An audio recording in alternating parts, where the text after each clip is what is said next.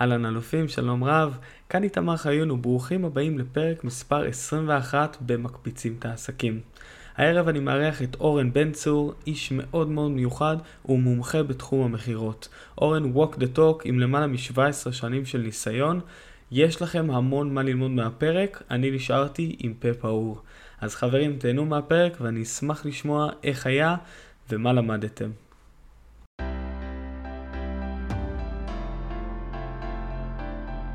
אהלן, שלום לכולם, ברוכים הבאים לפרק מספר 21 במקפיצים את העסקים. היום יש לי כאן אורח מאוד מאוד מיוחד, אורן בן צור. אהלן אורן, מה שלומך? בסדר גמור איתנו, מה המצב? יאללה, נהדר, נהדר. איזה כיף. אז אה, אורן, אני אציג אותך במידה ויש מישהו שלא מכיר. אז אורן בן צור הוא מומחה בתחום המכירות עם ניסיון של למעלה מ-17 שנים, מרצה ומלווה בעלי עסקים להגדלת ההכנסות. אורן הוא מהנדס אלקטרוניקה, וכיום הוא הבעלים של עמותת אורן בן צור, הנדסת שפע לעסקים. אורן עבד עם החברות הדומיננטית בתעשייה הישראלית.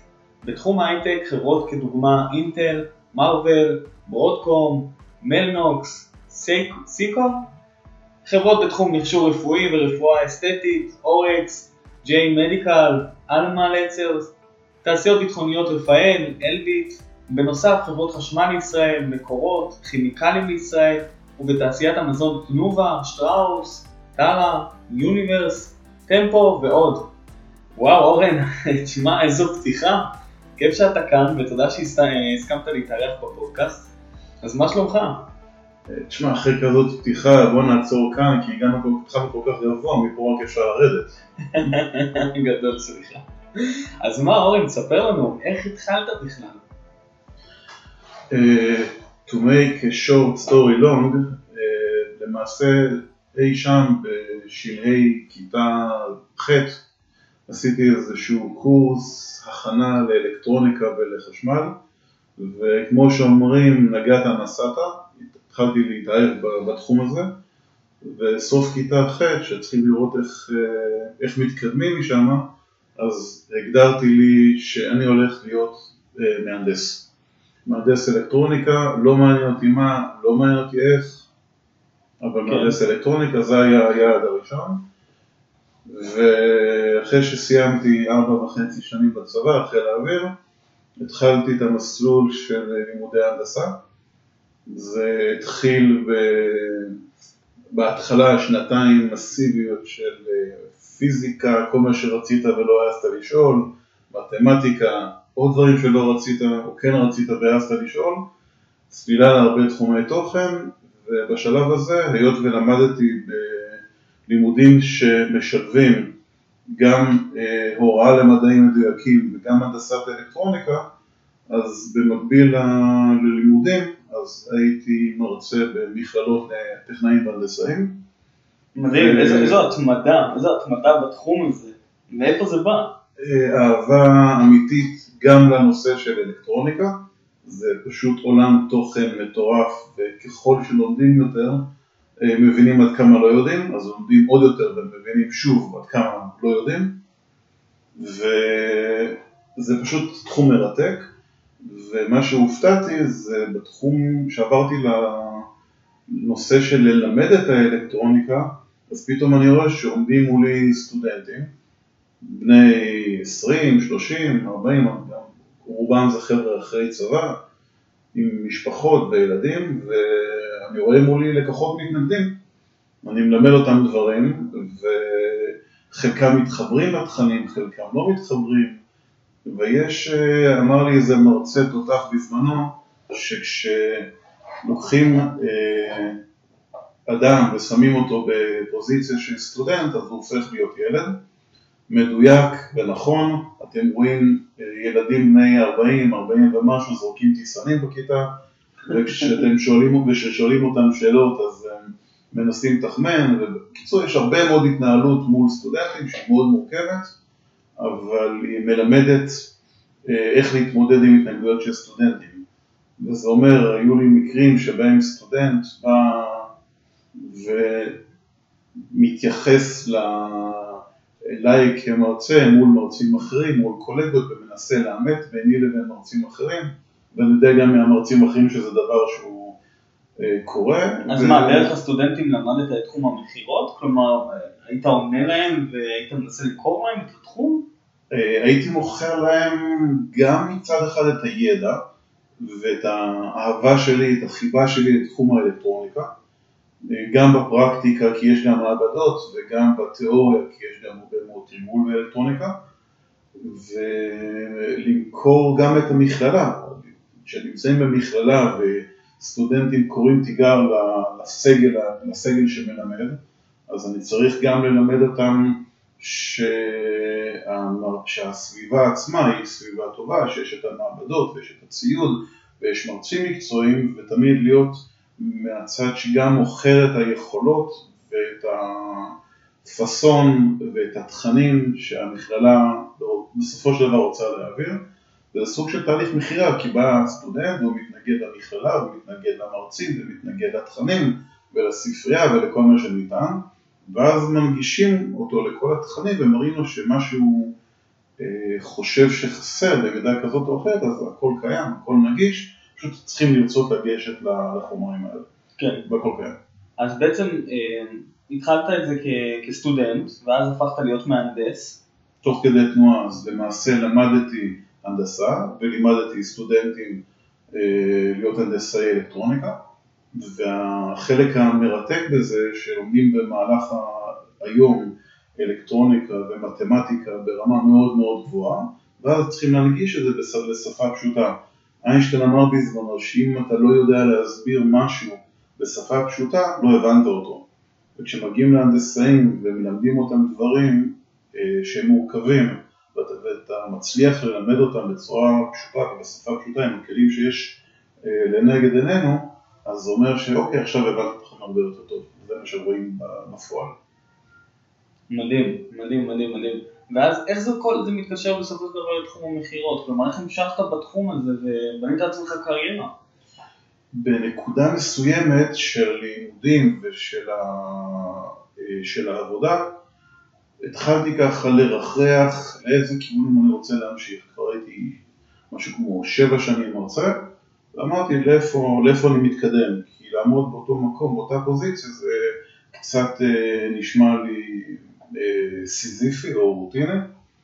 ואז אה, נפתחו בפניי שתי אופציות, אחת ללכת לתחום של הרצאות בחברת אה, ג'ון ברייס, שזה אחת מהאופציות שנפתחה, והאופציה שנייה אה, זה אופציה של מכירות, של תפקיד של מהנדס מכירות, והמחשבה הראשונה שעלתה לי בראש זה do something different, זה לא להישאר בתחום של ההרצאות, ללכת לתחום של מכירות, כי כבר בעולם שלי בתור מרצה, אז uh, במשך כמעט uh, שש שנים, שבע שנים, אני רואה שאני נמצא בתפקיד של מעבר למרצה, גם בתפקיד מכירתי.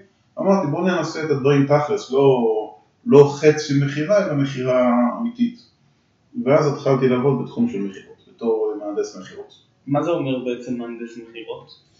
Uh, מהנדס מכירות זה למעשה שילוב שהרבה אנשים לא מכירים, כי המכירה היא מכירה של טכנולוגיה. החלק המורכב בזה, אם אני אקח את אחד מהלקוחות שלי בתור uh, דוגמה, uh, חברת חשמל מבחינתי זו חברה מאוד משמעותית וזה לקוח אסטרטגי.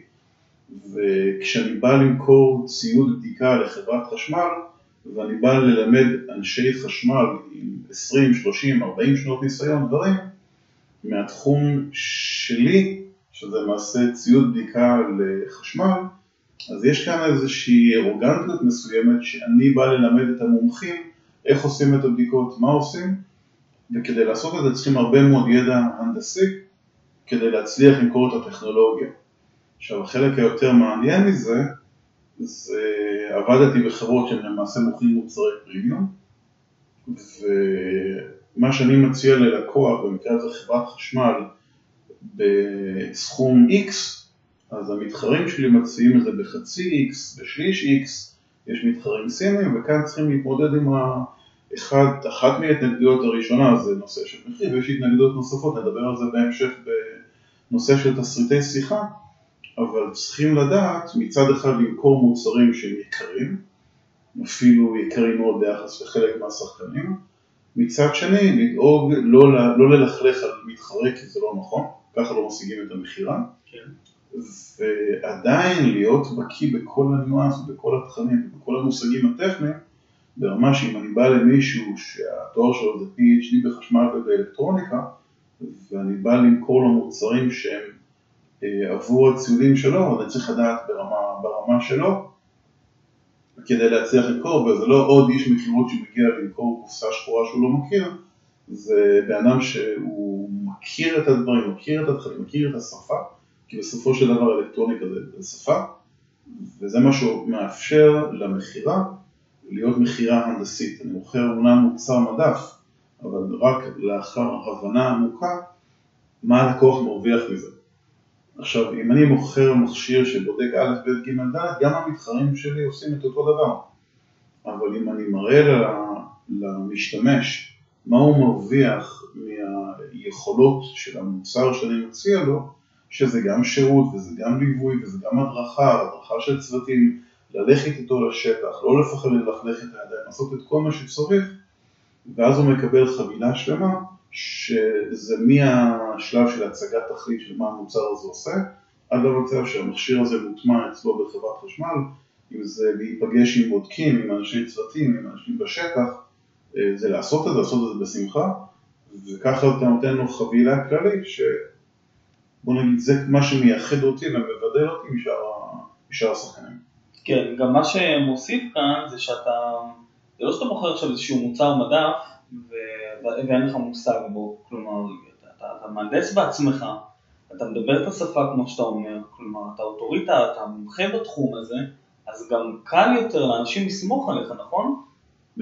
כן, וזה גם יותר נוח, כי אחד מהיתרונות כשאתה מוכר טכנולוגיה שאתה גם מכיר אותה, ואתה עובד עם ספקים שמובילים בתחום הזה גם באירופה וגם בארצות הברית, זה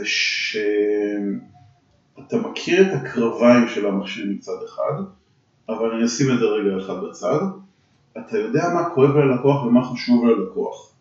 זאת אומרת, אם אני יכול להציע לבן אדם, במקום, נקרא לזה, אני לא אכנס לתוך, לתוך הפרטים הטכניים, אבל אם אני יכול להציע לבן אדם לא רק את המכשיר הסטנדרטי שבודק את A, B ו-C, אלא איזשהו אנלייזר שבודק גם את A, B ו-C שגם השחקנים האחרים מוצאים, וגם נותן לך איזשהו כלי תוכנתי או כלי חומרתי שמאפשר לך להוציא דוחות ולראות את הדברים לאורך זמן, ובמקרים מסוימים גם לקבל התראות לטלפון ולהיות מעודכן במכשור, במכשור במכשיר 24/7, אז זה כבר פרויקט, זה לא מכשיר או מוצר מדף. עכשיו, כדי לעשות את זה אתה צריך גם להבין את הצד ההנדסי ואת הצד החשמלי מצד אחד, גם לזהות מה הלקוח רוצה, מה התמונה המנצחת של הלקוח, איך הוא רואה את המכשיר ואיך הוא רואה את המערכת, וללוות אותו מרמת הקונספט, מה שנקרא משולחן השרטוט, עד לרמה שהמערכת עובדת, וללוות אותו עד, ה, עד הנקודת זמן שאנחנו יושבים על כוס קפה אצלו במשרד, הוא רואה את הכל מול העיניים שלו, אה, וממשיכים הלאה לפרויקט הבא. מדהים, מדהים. אז אורן, מה, מההיכרות שלי איתך, אה, אני יודע שעשית מכירות שהן לא קטנות, ואני הייתי רוצה לשמוע ממך איך באמת אה, בונים תסריט שיחה כזה, ואיך יוצרים את, ה, את הרושם הראשוני עם הלקוח, איך מגיעים מהשלב הזה שנמצאים, שלא מכירים את הלקוח, לשלב שבאמת הוא כבר רוכש, מה עובר בדרך? אוקיי, okay, זה תהליך um, שהוא מתחיל הרבה הרבה לפני הדיבור על הטכנולוגיה והרבה לפני הדיבור על היכולות ועל הפיצ'רים ו... וכל הדברים שהם רק בהמשך הדרך, א', ממשהו שלנו הישראלים מאוד קשה לעשות, זה לשתוק. אני לא אעשה את זה כרגע בפודקאסט, אבל כשמגיעים ללקוח בשיחה הראשונית, אז צריכים ליצור איזושהי כימיה. עכשיו, אני בא מהתחומים שמעניינים אותי ואני חי אותם, בין אם זה תחביבים, אפשר להיכנס לזה בהמשך, ובין אם זה התחום המקצועי, והלקוח בא מהעולם, מהעולם שלו, והשלב הראשון שמגיעים לפגישה, אחר כך אנחנו נדבר איך מגיעים לשלב, לשלב הזה, אז נכנסתי למשרד שלו, והזמין אותי כמובן הקפדה יתרה אה, להגיע כמה דקות לפני הזמן שנקבע הפגישה, אני בחיים לא אגיע למצב שאני מאחר לפגישה, כי זה מוריד לי הרבה מאוד מנקודות הזכות שאני משקיע בהן לפני שאני מגיע לפגישה, אבל once הגעתי ולחיצת יד והכל, אה, להסתכל על המשרד של הבן אדם, להסתכל פיזית, להסתכל ימינה, להסתכל שמאלה, לאנשים יש במשרד שלהם תמונות של הילדים, של הילדות, יש אה, תעודות כאלה ואחרות. אה, מי שיש לו חיבה לאופנועים, אז תמיד יש אופנועים ברקע, מי שחיבה לכדורגל, לעשות פשוט סריקה בעיניים ככה, את השתיים, שלוש לא צריכים הרבה מעבר לזה, תוך כדי לחיצת יד, ולראות מה מהדברים שנמצאים במשרד אני מתחבר אליהם. עכשיו, וחשוב לא לנסות ליצור כביכול עניין במשהו שלא מעניין אותי. כי אם אני לדוגמה אסתכל על איזושהי תמונה אה, של נוף שאני מתחבר אליה, או שהייתי במקום הזה, אז יהיה לי קל לדבר על זה ולפתוח נושא שיחה שהוא מאוד נעים, לדוגמה תאילנד, הודו, מקומות מהסוג הזה שהייתי שם כמה פעמים והתחברתי אליהם, ו... או, או אירופה שזה גם כן מקום שאפשר לפתח עליו שיחות, וברגע שהשיחה הראשונית עם הבן אדם היא לא בוא נדבר תכלס, בוא נדבר ביזנס, בוא נתקדם למכשיר וליכולת וזה, אלא השיחה היא על טיול ב... אה, בדרום תאילנד, באי כזה או באי אחר, אז אוטומטית זה לוקח את שנינו לשם, והשיחה עוברת להיות אישית, מה אהבת שם? אהבת שם את הנופים, אהבת שם את התרבות, אם היית בצפון תאילנד, האם אהבת את אה, ארוכות הצוואר, היית בדרום תאילנד, התחברת לקוסמוי, לקופנגן, לקופיפי, אתה הולך למקומות אחרים, ואז כשאתה מגיע חזרה הסיבה שלשמה התכנסתם, אז אתה כבר אחרי איזושהי היכרות ראשונית אתה מבין פחות או יותר מה עושה הלקוח הזה, מה הוא יותר חשוב מה פחות חשוב לו, וזה קרקע פוריה להתחיל את התכלס, את הפגישה העסקית נקרא לזה. מדהים, מדהים, אני בטוח שמי שמאזין לנו עכשיו אומר וואו, לא חשבתי על זה. כי אתה יודע, אנשים בדרך כלל כשהם מדברים על מכירות אז הם, הם לא מסתכלים על הדברים האלו. אבל כמו שאתה אומר, בזמן הלחיצת יד, לסרוק את המקום, העיניים כבר יקלטו מה שצריך לקלוט, ולפתח איזשהו נושא שיחה על, אה, על מקום שאנחנו רוצים לדבר עליו, בין אם זה טיולים או כל דבר אחר בעולם. אה, אוקיי, אז בעצם דיברת עם הדבר הזה, איך אתה עכשיו בעצם מתחיל לדבר על המוצר או על ההצעה שלך, איך אתה יודע מתי להכניס את זה? אה, אני אחזור למה שהתחלתי קודם, קצת הלכנו לתחומים אחרים של ההיכרות, שואל את הלקוח בצורה הכי פשוטה, אה, מזכיר לו על מה דיברנו בטלפון, כי הרי פגישה קדמה, קדמה קודם שיחת טלפון, מזכיר לו על מה שדיברנו, ואנשים במנטליות הישראלית ואנשי מכירות לאט לאט לומדים את זה, לשמחתי גם כן, אני מכיר את זה לפני ולפנים. אה, אנשי מכירות שהם עם ניסיון צנוע, אז לפעמים לא מרגישים נוח לשאול שאלות, מצד אחד, והם שואלים את זה אפילו מתוך היסוס מסוים, וחושבים שהם צריכים למלא את כל הפגישה בזה שהם מדברים, ולהראות כמה הם יודעים והם מבינים וכן הלאה, והם לא נותנים במה ללקוח לדבר.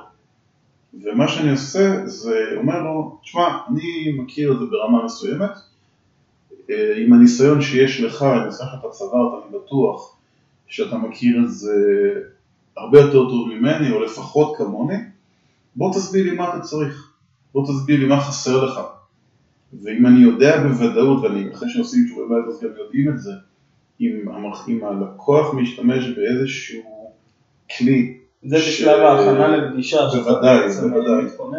אני שואל את הבן אדם בטלפון, אני תכף אחזור לנקודה שאליה הגענו, אה, אני שואל את הבן אדם בטלפון במה הוא משתמש היום, באיזה כלים, ואני עושה את השיעורי בית שלי במה הכלים שאני יכול להציע לו טובים יותר, או אם אני יודע שחשובה ללקוח, נקרא לה מדידה, אה, מדידה של פרמטר X, אז, אה, ואני יודע שהמכשיר, שהמכשיר שהוא משתמש בו אין עוד מדידת פרמטר X, אז מה שאני שואל אותו זה, תגיד לי, איך אתה מודד את X? עכשיו הוא אומר לי, אני לא יכול למדוד כי אין את האפשרות הזאת. אז איזה מזל שהגעתי, כי ממש יש אצלי כאן מזוודה דמו שאני יכול לראות איך בודקים את פרמטר X. ואם זה W ו-P ו-Q יש הרבה הרבה פרמטרים שניתן לבדוק, אז קודם שואלים את השאלות, ואז אני דואג לכך שהוא יכין לי להנחתה, ואני בא לפגישה להנחית. מדהים, מדהים. אז בעצם אתה לא בא ואתה ישר אה, מציע את המוצר, בא למכור, אלא אתה עושה את ההכנה המקדימה כמו שצריך. שואל את השאלות בזמן הפגישה, וברגע שאתה שם לב, אז אתה גם אה, מחבר את ההצעה שלך, אתה פתאום בא ומתחיל להציע את השירות שלך או את המוצר.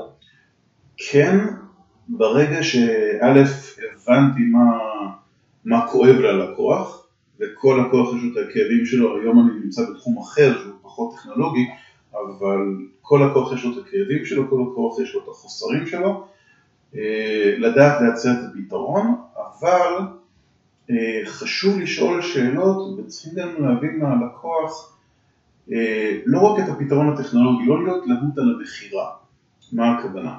יש מקומות שבהם לקוח רוצה משהו ואני יכול להציע לו את הפתרון. אבל אם אני ככה יוצא, מסתכל יותר ממעוף הציפור, האם הפתרון הזה זה הפתרון הנכון, או האם אני יכול להציע לו איזושהי חבילה שכוללת כמה וכמה פתרונות. ואז אני משקף לו את האפשרות של המערכת היותר גדולה. עכשיו, יש לקוחות שיגידו, תשמע זה מעניין, בוא, בוא נרחיב על הנושא, יש מקומות שבן אדם יגיד, תשמע תשאיר לי את הדבר הזה.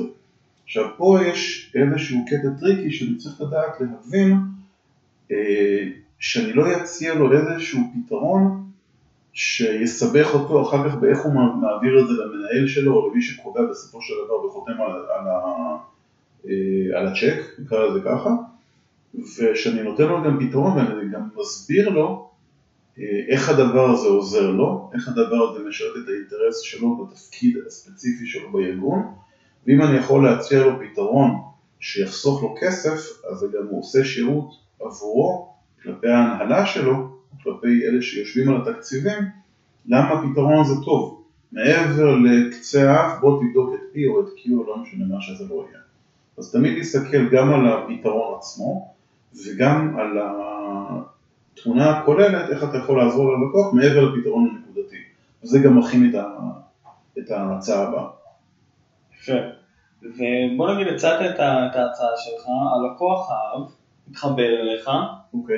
אבל אה, וואלה, הוא אומר לך, תשמע, יקר לי, או תן לי לחשוב על זה.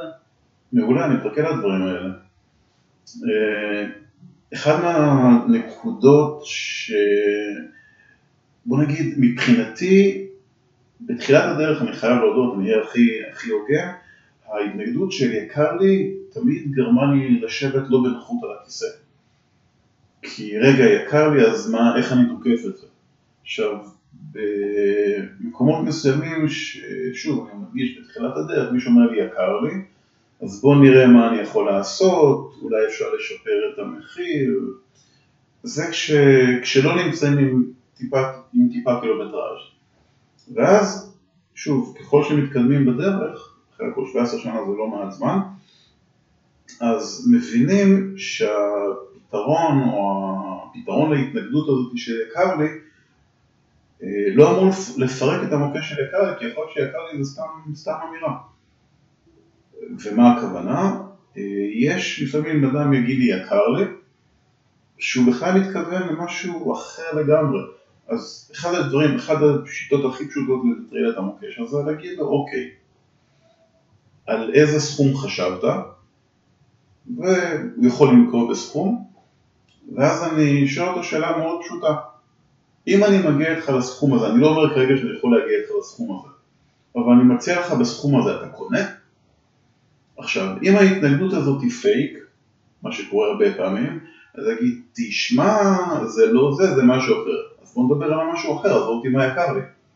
הכסף הוא לא האישו, אני יודע שזה משפט של אנשי מכירות, אבל הכסף זה לא האישו. אז צריכים לפרק מה יקר לי, האם זו התנגדות אמיתית. עכשיו, אם זו התנגדות אמיתית, אז אתה, צריכים לבדוק את האפשרויות. עכשיו, יכול להיות שהוא ביקש איזשהו פתרון, והוא הלך לפתרון שהוא יקר. עכשיו, אני יכול לבדוק בפתרון שהצעתי לו, אני לא הולך לקטע של להוריד מחיר. להוריד מחיר זה ה-last resort, אני מעדיף לא להגיע לשם. אני בודק האם יש לי פתרון צנוע יותר, שעדיין נותן את המענה לכל מה שהוא צריך, אבל הוא לא ילך על, ה- על ה top או על הפרימיום, הוא הולך על דרגה אחת פחות. האם זה נותן לו פתרון? אם כן, אז בואו נדבר על מוצר אחר. יכול להיות שבתשאול הראשוני ששאלתי אותו, אולי השמטתי איזשהו נתון, או אולי רציתי לתת לו משהו שהוא יותר חזק, אבל זה overkill מבחינתו. אז ללכת לאיזשהו משהו טיפה יותר צנוע. כן, יכול להיות שהוא גם ייקח את הפתרון הזה, ואז בהמשך הוא ירכוש ממך את הפתרון הגדול יותר שהוא באמת רצה. תמיד אפשר לעשות שדרוג. תמיד אפשר לעשות את השינוי. תמיד, בכל, גם אם זה טכנולוגיה וגם אם זה מוצר שהוא לא טכנולוגי, תמיד אפשר לשדרג, תמיד אפשר ללכת לרוויזיה אחרת. המשחקים קיימים. אבל פשוט צריך לדעת לנטרל אה, האם ההתנגדות זה יכול להיות יקר וזה יכול להיות כל מיני דברים אחרים. אני אתן סתם בתור דוגמה, לקוח בזמנו רצה ממני הצעת מחיר עבור מוצר מסוים, ואז הגענו לשלב של היקר לי, לא יקר לי, הוא אמר, שמע, יש לי עם זה איזושהי בעיה. עכשיו אני ידעתי שיש לו תקלה והוא לא יכול יותר מדי לשחק. הוא לא יכול עכשיו להתחיל לחפש שלוש הצעות מחיר שזה קורה בחלק מהמקומות והוא רוצה פתרון מהיר. אז אמרתי לו, תשמע, המחיר שהצעתי לך זה מה שאני יכול להציע לך. אוקיי? אני לא יכול לשחק עם המחיר, זה המחיר. ואני מוכר לך מוצר שהוא פרימיום, אני לא הולך ככה להציע לך משהו שאני לא, שהוא לא ריאלי. מה גם אם הייתי יכול להציע לך מלכתחילה מחיר נמוך, הייתי עושה את זה. מה שאני כן יכול להגיד לך שאת המוצר שאתה רוצה יש לי במלאי. מחר בבוקר אני יכול לספק לך אותו. עכשיו תגיד, זה שווה לך את ההפרש. וזה בהרבה מקרים, ובמקרה הספציפי הזה, אז אה, זה, הוא הכניס את ההזמנה, קיבל למחרת כמובטח את המוצר, והדיאלוג על יקר לי פשוט הפך להיות אה, זניח. מעולה. אז בעצם ניטרלת את, ה, את היקר לי, כי לאט לאט הבנת שזה לא הכסף, זה משהו אחר, או תתן לי לחשוב על זה, תן לי להתייעץ עם אשתי, תן לי להתייעץ עם השותף שלי, כל מיני התנגדויות שאנחנו מכירים. כן. ניטרלת אותם, ועכשיו אתה בעצם, אה, הלקוח רוצה לסגור את העסקה. אוקיי. אז איך אתה סוגר את העסקה, ועל מה אתה ממליץ לנו לשים דגש בזמן סגירת העסקה? אני אתחיל לדבר כזה, יש מקומות, עכשיו זה משהו שהוא טיפה tricky, כי זה סוג של ללכת בין הטיפות ואני אסביר. אמ, זה תלוי בגודל הארגון, כפי שציינת בפתיח שקצת גרם לי להסמיק, אה, כשאתה עובד מול ארגונים גדולים, ועבדתי מול כמה וכמה כאלה, אז יש מה שנקרא אה, הדרג הטכני, שהוא זה שעושה את האפיון, ויש את מי שהוא מורשה חתימה, או יש אנשים שהם מורשי חתימה עד תקציב מסוים, יש כאלה שתקציב יותר גדול, וזה פשוט עניין של מי מקבל את ההחלטה. למה אני אומר את זה? כי יש מקומות, יש מקומות, יש חברות, שבהם יש אה, אתה זה שמקבל את ההחלטה, ולא תמיד אני בפגישה הראשונית, באפיון הטכני, אני עומד מול מקבל ההחלטה. כלומר, אם אני אכנס איתו למשא ומתן, וסיימתי את המשא ומתן ואני מרגיש שיצאתי כריש והגעתי למנוחה והנחלה, ואז הוא יגיד לי, כן, אבל אני צריך להעביר את זה למישהו אחר. ואז אני אתחיל עוד מחזור של אה, משא ומתן, ויש מקומות שזה כמה וכמה מחזורים. כלומר, יש. כמה וכמה מקבלי החלטות. נכון. ויש מקרים, שוב, זה גם תלוי בהיקף העסקה, אם אם זה עסקה של אה, כמה אלפי שקלים, אז זה הרבה יותר פשוט, גם הרבה מקרים הדרג היותר נמוך, אז הוא מקבל ההחלטה וזה לא צריך לעבור כמה ידיים וכמה חתימות. אה, כשזה יותר מורכב, אז עם חוסר הנעימות שבנושא, אז שואלים את הבן אדם שעומד מולך, אה, האם הוא זה שמקבל את ההחלטה ואם הוא לא מתבצע משא ומתן, או שיש מישהו אחר. עכשיו, אמנם זו שאלה שלא תמיד נעים לשאול אותה, אבל היא שאלה קריטית. ולפי התשובה שלו אני ממשיך הלאה. אם הוא אומר לי שהוא הבן אדם, אז אני בודק מה, מה התרחיש המיטבי מבחינתו, אני בודק אם אני רוצה, אם זה נכון עבורי, אם זה אפשרי לתת לו איזשהו, איזושהי הקלה, והיא לא חייבת להיות בגובה של העסקה, אלא היא יכולה להיות בפריסה של תשלומים, היא יכולה לתת לו עוד, עוד איזשהו פיצ'ר נוסף ולא לחייב אותו אה, להאריך את תקופת השירות, יש הרבה, הרבה מאוד משחקים, אבל להגיע למצב שנותן לו את ההרגשה הטובה וסוגרים את העסקה. אם זה לא הוא שסוגר את העסקה, אז אומר לו, בוא תצרף לפגישה את מישהו שצריך לתת את ההחלטה, לתת את ה-go no go, מצרפים אותו לפגישה ועושים את המשא ומתן איתו. לא במצב שאני כאילו עוקף את הבן אדם, תשלב אותו בפגישה. נוח לך עכשיו, אין בעיה, נוח לך לעשות את זה במועד אחר, אני מתאים את עצמי ללקוח. למצוא את המצב שבו אני לא נותן ללקוח הרגשה שאני עוקף אותו מצד אחד, אבל לא לנהל מספר משאים ומתנים, ששם תמיד הנקודה הסופית היא לא, לא תהיה נכונה. מעולה, מעולה. אה, אז בעצם אני רוצה אה, לסכם את הדברים האלו מהרגע שבו אנחנו בעצם נכנסים למשרד של הלקוח עד לרגע שבו אנחנו סוגרים את העסקה ובאותה מידה זה גם יכול להיות מהרגע שאנחנו מתקשרים ללקוח עד לרגע שאנחנו אה, סוגרים את הפגישה. זה אותו דבר, השאלה שלי היא מה בעצם צריך לעבור בדרך, כלומר מאיפה זה, מה, מה עם סדר הפעולות שבעצם אוקיי. צריך לקרות. אז בוא נגיד, אה, א', כפי שאמרתי, להיכנס ולראות ככה את המשרד, אה, מה הדברים שאני יכול להתחבר אליהם, למצוא את הכימיה הראשונית עם הלקוח, ולשאול אותו שאלות מתוך מקום של באמת הקשבה, ולא התעניינות סתמית, כאילו על המענים בסדר, לא, לשאול בכנות, להיות אכפתי, להקשיב לתשובה. זו ההכנה גם שדיברנו, כלומר לדעת אילו שאלות לשאול. כן, אבל כרגע אני לא מכוון לקטע הטכני. זה אם אני שואל אותו מה שלמה, או אני שואל אותו שאלות שהן אישיות, אז להקשיב לתשובות. אני גם בפגישה, אה, בהכנה לפגישה, סליחה, אם אני מדבר איתו בטלפון, אז אני רושם את ה highlights בבוליטים. אני רושם, כאילו דיברנו על א', ב', ג', ד', ואם דיברנו על ילדים, או דיברנו על חוקים, או דיברנו על טיול, אני רושם לי את זה. ואז כשאני מגיע לפגישה, אז אני ככה כלאחר יד מכניס את הדברים שדיברנו עליהם, כי הרבה פעמים אותו בן אדם, חוץ מלפגוש אותי, פוגש עוד שניים, שלושה, ארבעה אנשים באותו יום, אז אני רוצה לחזור לנקודות החיבור שיצרנו בשיחה ולהתחיל את הפגישה מהם. ואז כאילו שוב להיות בקטע האישי. אז זה בשלב הראשוני. אחר כך, ברגע שאני מזהה את ה... אחרי שסיימנו את החלק הזה ואנחנו הולכים תכלס לתוכן של הפגישה שלשמה התכנסנו, אז אני מנסה לראות איזה דברים אני יכול להציע לו שייתנו לו מענה. עכשיו אם זה משהו שהוא, אם הפגישה היא טכנולוגית, אז מה אני יכול להציע לו שייתן לו מענה טכנולוגי, מעבר, לפחות מה שהוא רוצה, ואם אפשר גם מעבר לזה. אם זה משהו יותר בקטע של, של הליווי או בקטע של, ה, אה, של הייעוץ העסקי, אז לחפש מה אני יכול לתת לו, איזה כלים אני יכול לתת לו, איזה ידע אני יכול לתת לו, שיגרמו לו לשינוי משמעותי. עכשיו, השינוי המשמעותי יכול להיות שינוי תפיסתי. הוא יסתכל על דברים בצורה מסוימת, עכשיו הוא וואלה רואה שיש עוד אפשרות להסתכל עליהם. אה, יכול להיות שהשינוי הוא אם הוא יעשה את ההתנהלות האחרת, לדוגמה שהוא יבצע את השיחות הקרות למרות אי הנעימות ונותן לו כלים של איך הוא מתמודד עם השיחות הראשוניות, אז כמות השיחות שלו תגדל, כמות השיחות שלו תגדל, כמות הפגישות שלו תגדל, זה יביא בסופו של דבר ליותר אה, פעילות עסקית ויותר סגירות ויותר הכנסות. אז למצוא איך אני יכול לעזור לו לשנות משהו בדברים שהוא עושה, שיביא אותו למצב אחר, שיביא אותו לדרגה הבאה שלו. וברגע שאנחנו רואים את השיפור, אז למצוא איך אני יכול להמשיך איתו אה, דברים נוספים.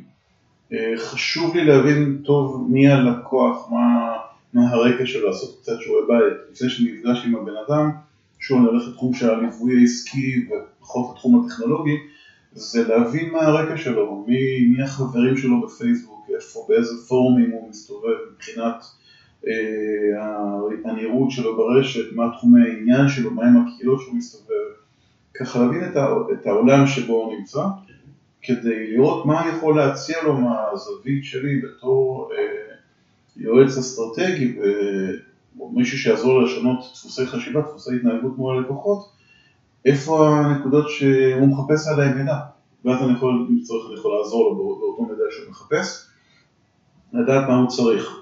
עכשיו, ברגע שאנחנו כבר מגיעים ואנחנו, ועשיתי את השיעור הבית, אנחנו נמצאים בתוך הפגישה, אז לתת לו קצת רקע, מה, מה הניסיון המקצועי שלי, בין אם זה בתחום, של, בתחום הטכני אה, ובין אם זה בתחום של הייעוץ העסקי, הליווי העסקי, איזה באיזה אופנים עזרתי ללקוחות, איפה לקחתי אותם מנקודת התחלה לנקודה אחרת שהיא אה, מקדמת את המכירות שלהם, מקדמת את, את הטיפול בהתנגדויות של, לקוחות, מגדילה את היקף העסקאות שלהם, פשוט מביאה אותו למצב אחר, אה, כדי להסביר לו, פשוט להבין, להבהיר לו מול מי הוא עומד. עכשיו, רק כדי שזה לא יתפרש לא נכון, לא ממקום חלילה ארוגנטי, נהפוך הוא, דווקא ממקום של להגיד לו, תשמע, אתה נמצא במקום שהוא מקום שיעזור לך להגיע ליעדים שאתה רוצה להגיע אליהם, וזה יכול להיות יעדים תודעתיים, זה יכול להיות יעדי התנהלות, יכול להיות ניהול של זמן, יכול להיות של משימות, יכול להיות אלף ואחד דברים שהם תכלס טיילור מייד לפי מה שהוא צריך, אבל להגיע למצב הזה רק אחרי שהוא מבין מצד אחד עם מי יש לו עסק, ועם זה שהרקע שלי יכול לעזור לו. עכשיו אם אני מגיע למצב אה, שבו הפתרונות שאני יכול להציע לו הם לא הפתרונות הכי מתאימים עבורו בנקודת הזמן המסוימת שעליה אנחנו מדברים ותכלס אני נמצא בקשר עם מספיק אנשים בתחום הזה, אני יכול לשאול אותו האם הוא רוצה שאני אחבר אותו למישהו שיהיה יותר מתאים בנקודת הזמן הנוכחית לדברים שהוא צריך ואם הוא רוצה אז נעשה את ה... נדאג לחיבור את כל הקטע הפרוצדורלי ואני אחבר אותו למישהו אחר אני מספיק הוגן ומספיק בטוח עם הלקוח אה, כדי לדעת מצד אחד לתת לו את הפתרון שמתאים לו כשהפתרון הזה קיים ונכון עבורו ועבורי ואם לא לתת לו פתרון אחר. עכשיו גם חשוב לדעת שברגע שאני עומד מול בן אדם לא למכור בכל מחיר ולא למכור לכל לקוח ולדעת אה, לאפיין עוד לפני הפגישה האם הלקוח הזה מתאים לי. נכון, לבחור את הלקוח. לבחור את הלקוח, כי יכול להיות שיש מצב שלקוח מסוים הוא, הוא מדהים והוא אידיאלי וגם מבחינה תזרימית וגם בכלל הוא אדם נוח ואני מתחבר אליו ברמה האישית ויכול להיות שלא. עכשיו אם לא, אז אה, כמובן בצורה אדיבה ובצורה מכבדת ובצורה נעימה להציע לו ש... או להציע לו חלופה, או להגיד לו שבמקרה הנוכחי זה לא פתרון שהוא נכון עבורו. ולדעת, אם אני אקרא לזה בשמו, לדעת לפטר לקוח, לדעת לא לקבל לקוח, ולא כל לקוח ולא בכל נקודת זמן צריך להיות לקוח שלי, זה בסדר, יכול לקחת גם לקוח אחר, גם אה, בוא נגיד אה, עמית אחר לעבודה שיכול לתת לו פתרון. מדהים, מדהים, מדהים, מדהים אורן. אה, תשמע, למדנו כאן המון, אה, יש לך המון המון ניסיון ואני בטוח שכל מי, שגם אני וגם כל המאזינים שהקשיבו עכשיו, למדו. הייתי שמח לשאול אותך כמה שאלות ככה לסיום, אה, איפה אנחנו הולכים לראות אותך בעוד שבע שנים? א', יש סיכוי שגם קצת בארץ, לא, לא צריך לעוף על עצמי, אבל גם קצת בארץ. המטרה שלי זה א', לראות כמה אני יכול לתת ולעזור מקומית לשוק המקומי בכל תחום שקשור למכירות, לליווי מכירות, אה, לקחת עסקים בהיקפים שונים לדרגות הבאות שלהם.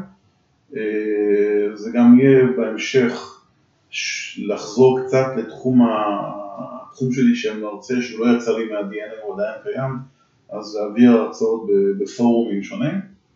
אה, וזה יכול להיות כמובן בארץ, בכנסים, בסמינרים, בחברות, וזה יכול להיות גם בהיקפים גדולים יותר, ועם הרבה יותר נראות במקומות אליהם אני מכוון. נהדר. ואם היית יכול עכשיו לחזור לאורן שבגיל 30, שרק סיים את, אה, אה, את התואר שלו כמהנדס אלקטרוניקה, במה היית ממליץ לו להתמקד? בוא נגיד לאורן שגיל 30 מה שהייתי ממליץ לו לעשות זה מה שאני עשיתי, התחלתי לעשות לפני 12 שנה, זה לקחת וללמוד את כל הנושא של ההתפתחות האישית מהמנטורים הכי טובים שיש, המנטורים שלי באותם 12 שנים זה אנשים כמו ג'ים רון, כמו טוני רובינס, כמו גרנט קלדון, כמו מל רובינס, כמו סיימון סינק ועוד הרבה הרבה הרבה אחרים שמהם התחילה כל התורה של התפתחות אישית, פשוט לעבוד על התחום הזה.